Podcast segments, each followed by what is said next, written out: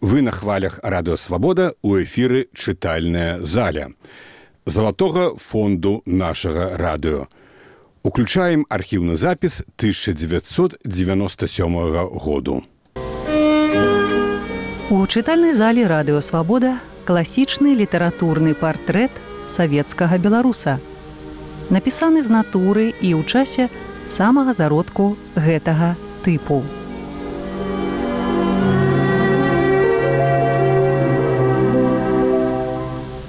Мы чытаем выбраныя старонкі твора, публікацыя якога ў 29 годзе стала раўназначнай прысуду над аўтарам. У ролі галоўнага героя сяржук сокалаў воюш.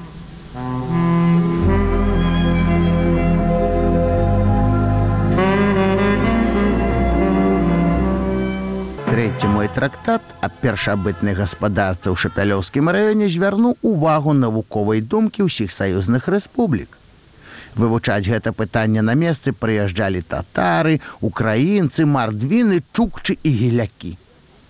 А справа ў тым, што я выкрыў гаспадарку аднаго селяніна, у якога непарушна захавалася земляробчая традыцыя. Пачынаючы мусіць ад неаліту ці бронзы, як заўважыў мамон. Гэта гаспадарка належыць селяніну трагладыту. Гэта яго імя, прозвішча няма, як завуць па бацьку не высветлена і знаходзіцца ў воўчацкім сельсавеце у 5 кіляметрах ад вёскі галадранкі. Гаспадарка ляжыць у глухім лесе з чатырох бакоў абкружана непраходным балотам і дае сабой тыповае ўмацаванне гарадзішча старога часу з высокім драўляным астракольным загародам гаспадарка ізалявана ад усяго свету і да гэтага часу нягледзячы на дзесяцігоддзя кастрычніцкая рэвалюцыя не была абкладзена ніякім падаткам і не занесена ў спіс населеных мест бСр у гаспадарцы трагладыта няма ніякіх слядоў нашай культуры. Там не ўжываюць сярнічак а вечны святы агонь гарыць на пяколачку. Няма дымаходаў шкла нешта накшталт вакешак размерам 10 на 15 сантыметраў ёсць і замест шкла у іх устаўлены бычыны пузыр. Сям'я трагладыта не ведае мыла газы не ўжывае нічога жалезнага трагладыт і яго сям'я тры сыны з жонкамі якіх яны умыкалі у кажнага як бобу дзяцей.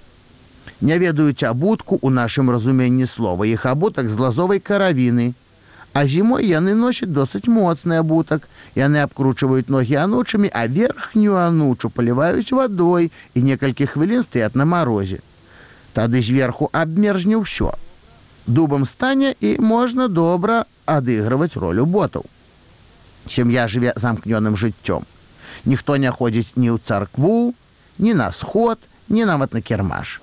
Я даследаваў слоўнік мовы трагладытаў і вельмі спрачаўся з мамонам аб колькасці слоў, якімі карыстаюцца трагладыты. Мамон даводзіць, што на Беларусі няма ніводнага сялянскага двара, у якім колькасць слоў была менш за 15 тысячаў. А я запэўняў, што трагладыты ведаюць не больш за тысячу слоў. Цяпер я бачу сваю памылку. Цяпер я складаю вялікі трагладыцкі слоўнік, не менш 3000 слоў, які думаю 5 раз выдаць. Што датычыцца рэлігійных пачуццяў трагладытаў, дык практыка показала, што нейкія рэлігійныя эмоцыі ёсць. Ніякіх абразоў выявіць не ўдалося, затое недалёка ад хаты, сярод двух карчавых дубоў стаіць вялікі каменны статуй. Мамон кажа, што гэта каменная баба, Я не ведаю, ці так гэта, бо родавыя адзнакі адсутнічаюць. І трагладыты, як ідуць калі яго неяк таемна усміхаюцца. З іх вуснаў выходзяць нейкія дзіўныя дыфтонгі, у я, а часта нават поліфтонгі. Сюды неабходна накіраваць асобную экспедыцыю, якая дапаможа сацыялістычнаму будаўніцтву я дабіўся ад рвк выпісаць на сродкі самаабкладання наступныя прылады неабходныя для разгортавання нашай культпрацы ў раёне і прапаганды навукі ў масах першае шкалу вачэй. Каб навукова сістэматызаваць і падзяліць на клясы насялення раёну паводле колеру вачэй. Другое. Шкалу валосся. Аналогічная першай мэта. Третье ручныя сіламеры для падрабязнага падлічэння колькі конскіх сіл ёсць у раёне. Чацвертае, слінавую прыладу для вывучэння складаных рэфлексаў. Пятая поўны набор мерак вагі і даўжыні для высвятлення будовы цела, твару і варыяцыйнай крывой індексу чэрапу у шапялёўскага насялення. Усё гэта абяцала вялікія поспехі ў нашай працы.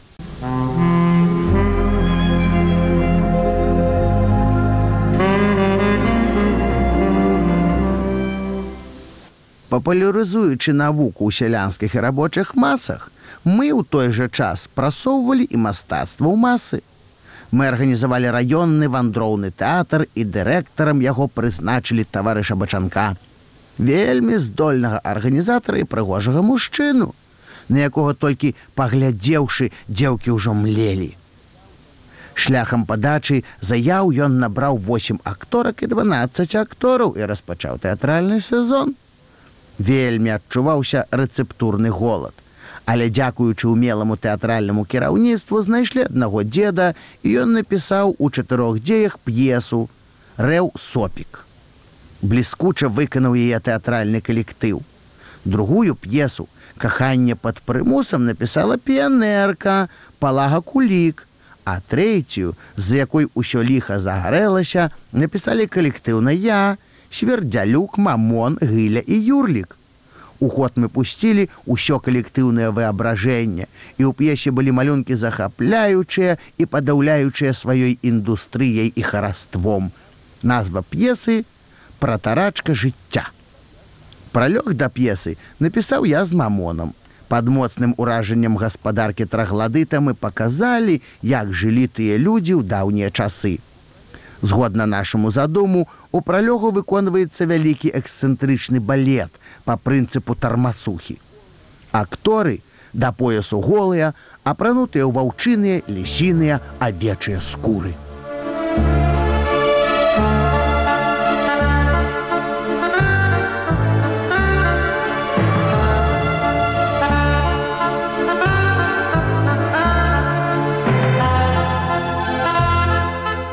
Роль галоўнай героіні мы далі сошы дошы.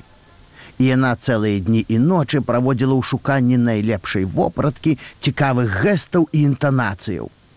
Я не адставаў ад яе. Гэта агульная культурная справа збірала нас. Як толькі канчаліся мае заняткі, я ішоў на кватэру сошы дошы і мы да таго часу, як трэба было збірацца на рэпетыцыю, рыхтавалі для яе і для мяне адзення рабілі скужалю і афарбоўвалі эстэтычнае валосся, прыладжвалі звярыныя скуры гэтак далей. Яна была такой мілай у сваёй дзіцячай непасрэднасці, што часта я не мог устаяць. Вельмі рух мяне забіраў. І тады я палка цалаваў гэта 18гадовае дзіцё. Трэба падкрэсліць, што заўсёды я даваў належныя каментарыі. Я рабіў тое самае, што адзін герой у нейкім рамане, цалуючы сошу дошу і маючы на ўвазе сакратара, гаварыў ёй. От табе соша, мой палкі пацалунак, а ўсё іншае дасць табе твой жаніх. Адказам на гэтыя словы быў яе смех. Гарэзліва гледзячы мне ў вочы дзяўчына гаварыла: « Я не хачу, каб усё іншае даў мне жаніх, я не кахаю яго. Выходжу замуж, бо ў яго палажэння. Гэта распаляла мяне, але я стрымліваўся, канкрэтна уяўляючы ўсю небяспеку, якую можа мець адзін неасцярожны крок. Тым больш, што вельмі марудзілі з залічэннем мяне нават у кандыдаты партыі. А тут нейкі навуходанасор інфармаваў сакратара, што мае адносіны з яго нявестай зайшлі вельмі далёка. Куды далей, чымся ў сакратара у час спектаклю, калі ўзнялася заслона, першая на сцэну выйшла соша доша голай да пояса. У я была прыгожая лісіная скурка ніжэй пояса, а на грудзёг бліскучыя па спецыяльна зробленаму заказу бляшкі. Прыгожа выпукляючыя яе дзявочыя грудзі. Валасы на галаве былі зусім чырвоныя, пышныя да самых пят. Яна была бязмежна чароўнай і я ахаў за кулісамі.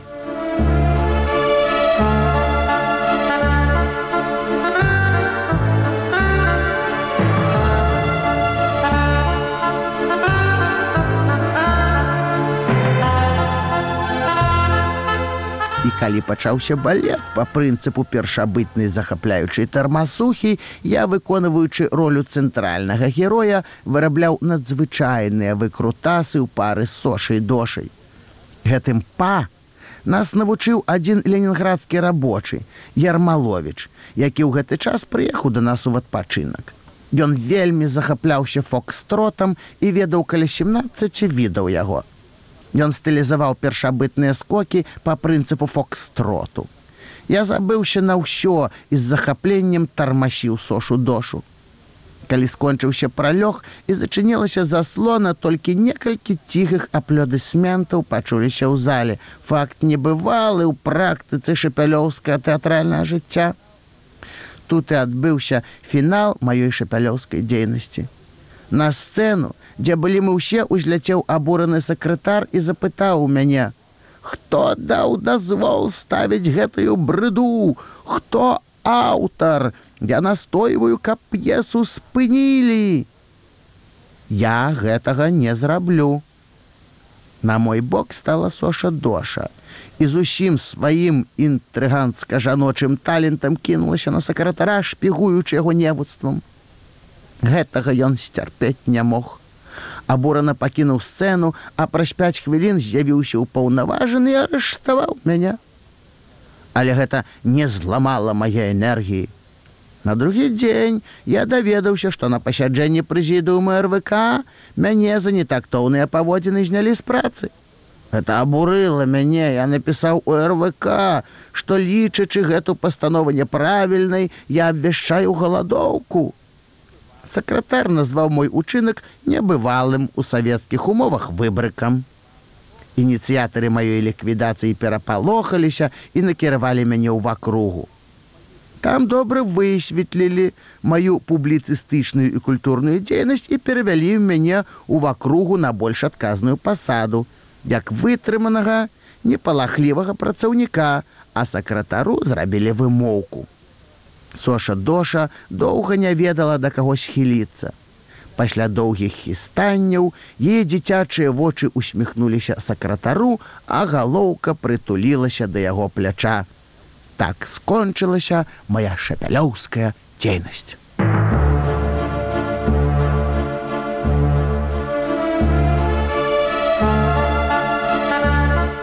На хвалях радыёвабода старонкі рэпрэсаванай беларускай літаратуры. Аповесць Андрэя Мрыя запіскі Самсона Самасуя у ролі галоўнага героя цяжук сокалаў воюш.